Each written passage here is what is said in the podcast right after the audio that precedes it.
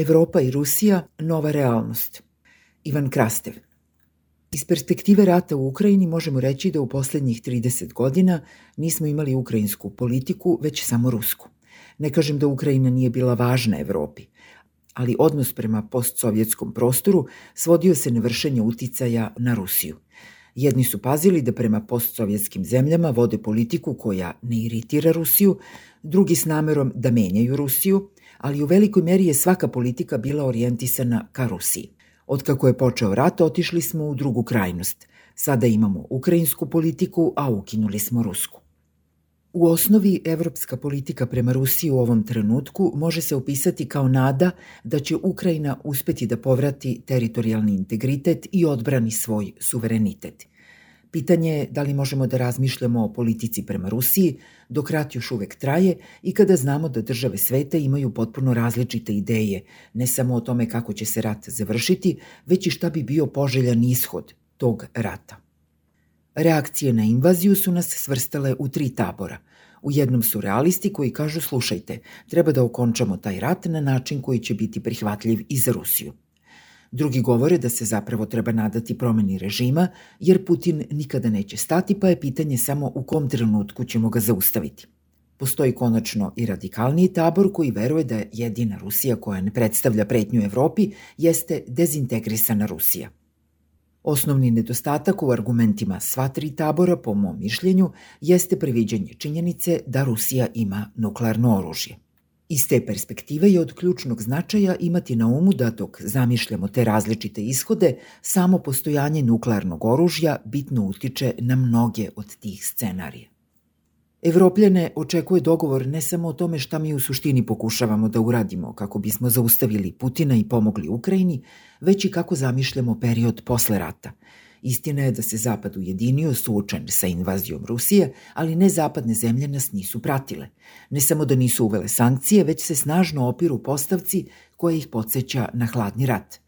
Čak i ako bismo mogli da govorimo o Evropi bez Rusije, definitivno ne možemo da govorimo o svetu bez Rusije. Te zemlje sebe ne vide kao neodlučne, već kao suverene sile koje u osnovi imaju potpuno drugačiju logiku ponašanja.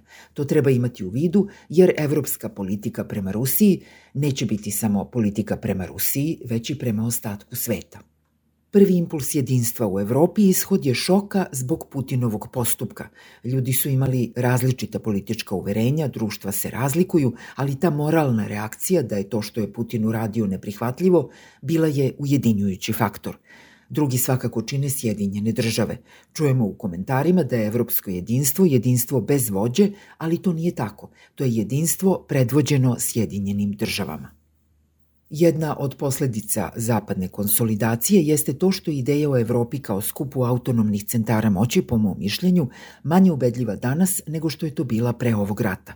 Šta više, osnovno pitanje koje treba da postavimo glasi da li evropsko jedinstvo može da preživi ako unutrašnje podele u SAD-u suštinski promene stav Vašingtona – Dakle, kada vidite kako Trump, koji najavljuje kandidaturu na sledećim izborima, napada odluku američke vlade da pošalje tenkove u Ukrajinu, osnovano je pitanje može li Evropska unija da održi svoje krhko jedinstvo ako dođe do promena u Americi. Konačno, jedno od suštinskih pitanja za buduću politiku Evropske unije prema Rusiji jeste odnos prema ruskoj opoziciji. To je teško pitanje. Neka evropska društva smatraju da je ovo Putinov rat, druga da je ruski. U interesu efikasnosti verujem da treba da insistiramo da je to Putinov rat, dok istovremeno očekujemo da od ruske opozicije čujemo da je to ruski rat. Naravno, odluku o invaziji donao je Putin, ali je očigledno da postoji značajna javna podrška ratu. Način na koji definišemo rat, kao Putinov ili ruski rat, nije samo izraz naših uverenja o tome šta se zaista dešava u Rusiji, već i kakav diskurs želimo da imamo u Rusiji posle Putina. To je po mom mišljenju neka vrsta strateškog izbora koji treba napraviti. Interesantno je da su Amerikanci u velikoj meri usvojili klasičan hladnoratovski narativ. To je loš režim, ali su ljudi ok, pa će se narod jednog dana osloboditi režima. Iz istorijskih i drugih potpuno legitimnih razloga, Ukrajinci, kao i neka društva koja su bila pod sovjetskom okupacijom, nastoje da esencijalizuju ovo kao ruski rat, koji je u velikoj meri u imperialnoj DNK ruske nacije. To će značajno otežati politiku Evropske unije prema Rusiji posle Putina.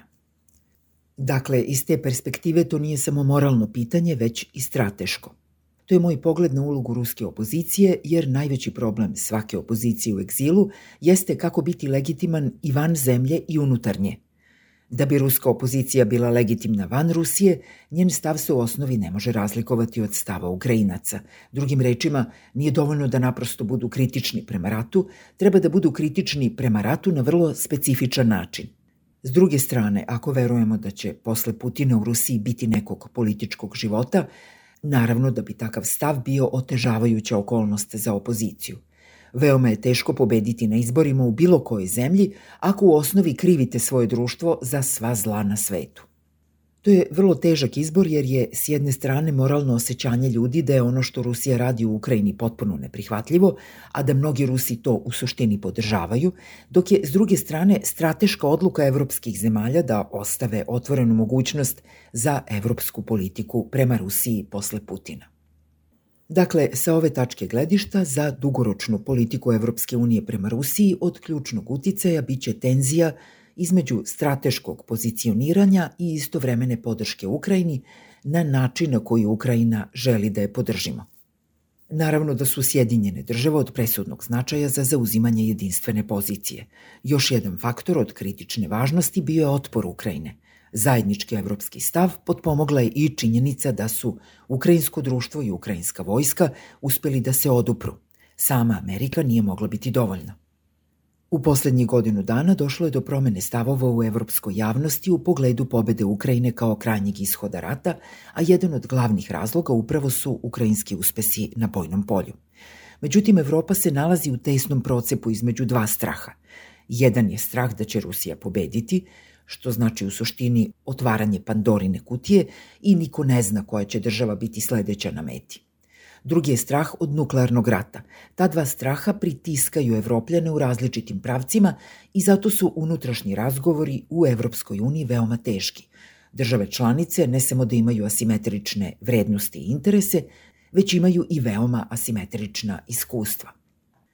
Obično se govori o podeli sveta na istok i zapad, ali glavne podele danas su unutar istoka i unutar zapada – Mađarska je istočnoevropska zemlja, a čak ni zemlja na liniji fronta kao što je Rumunija ne stoji na istoj poziciji sa Poljskom ili Baltičkim republikama.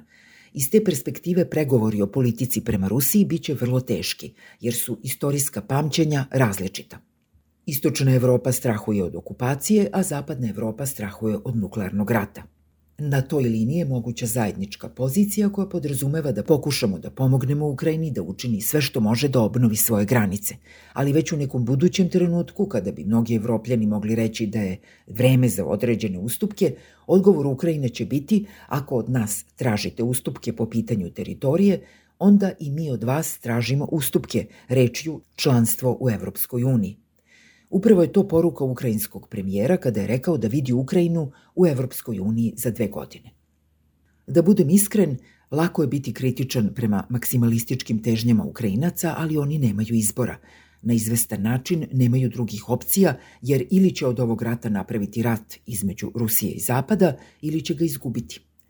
U osnovi to je ono o čemu govorimo, jer uspeh Ukrajine u velikoj meri zavisi od oružja i financijske podrške sa Zapada – Samo financijska podrška se kreće između 8 i 10 milijardi mesečno. To Evropljane stavlja u veoma tešku poziciju. Želimo da pobedimo u ratu, a da u njemu ne učestvujemo. To je ono što pobedu čini tako teško ostvarivom. Mi želimo da Ukrajinci pobede za nas, ali s druge strane želimo pobedu koja će omogućiti određene vrste odnosa sa Rusijom koji bi na ovaj ili onaj način bili funkcionalni. Ne verujem da u ovom trenutku možemo doći do bilo kakvog delotvornog konsenzusa. Ima predloga da se Rusija tretira kao politička verzija nuklearne elektrane u Černobilju, nešto što bi trebalo da se ogradi i više ne pominje. Sumnjam da je to moguće, jer ostatak sveta Rusiju ne posmatra tako.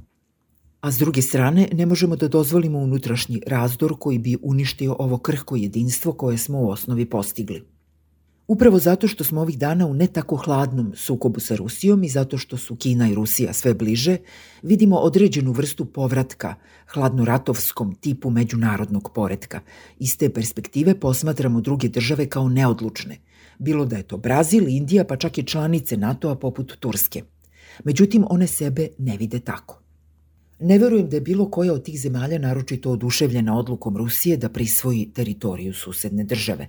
Međutim, one nisu voljne da se bave principima i pravilima, jer pokušavaju da maksimizuju svoju relevantnost u svetskom političkom sistemu, da ostvare svoje ekonomske i strateške interese.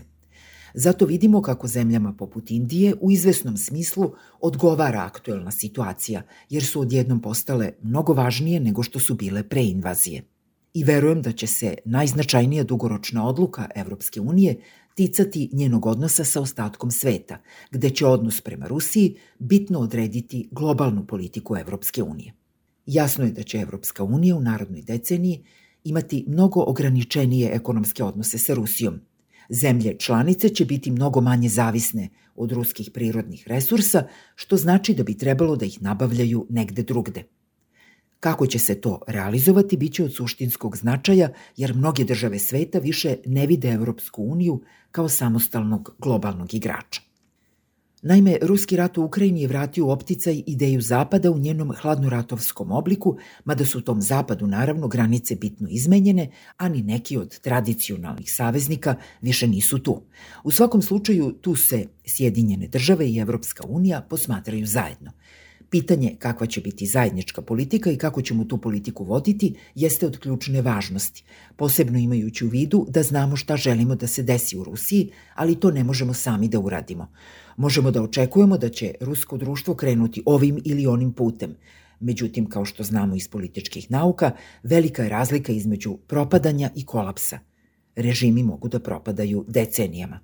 Zato će tajming tih politika biti veliki izazov za Evropsku uniju kako napraviti razliku između dugoročnih politika i odgovora na neposredne krize s kojima smo danas suočeni.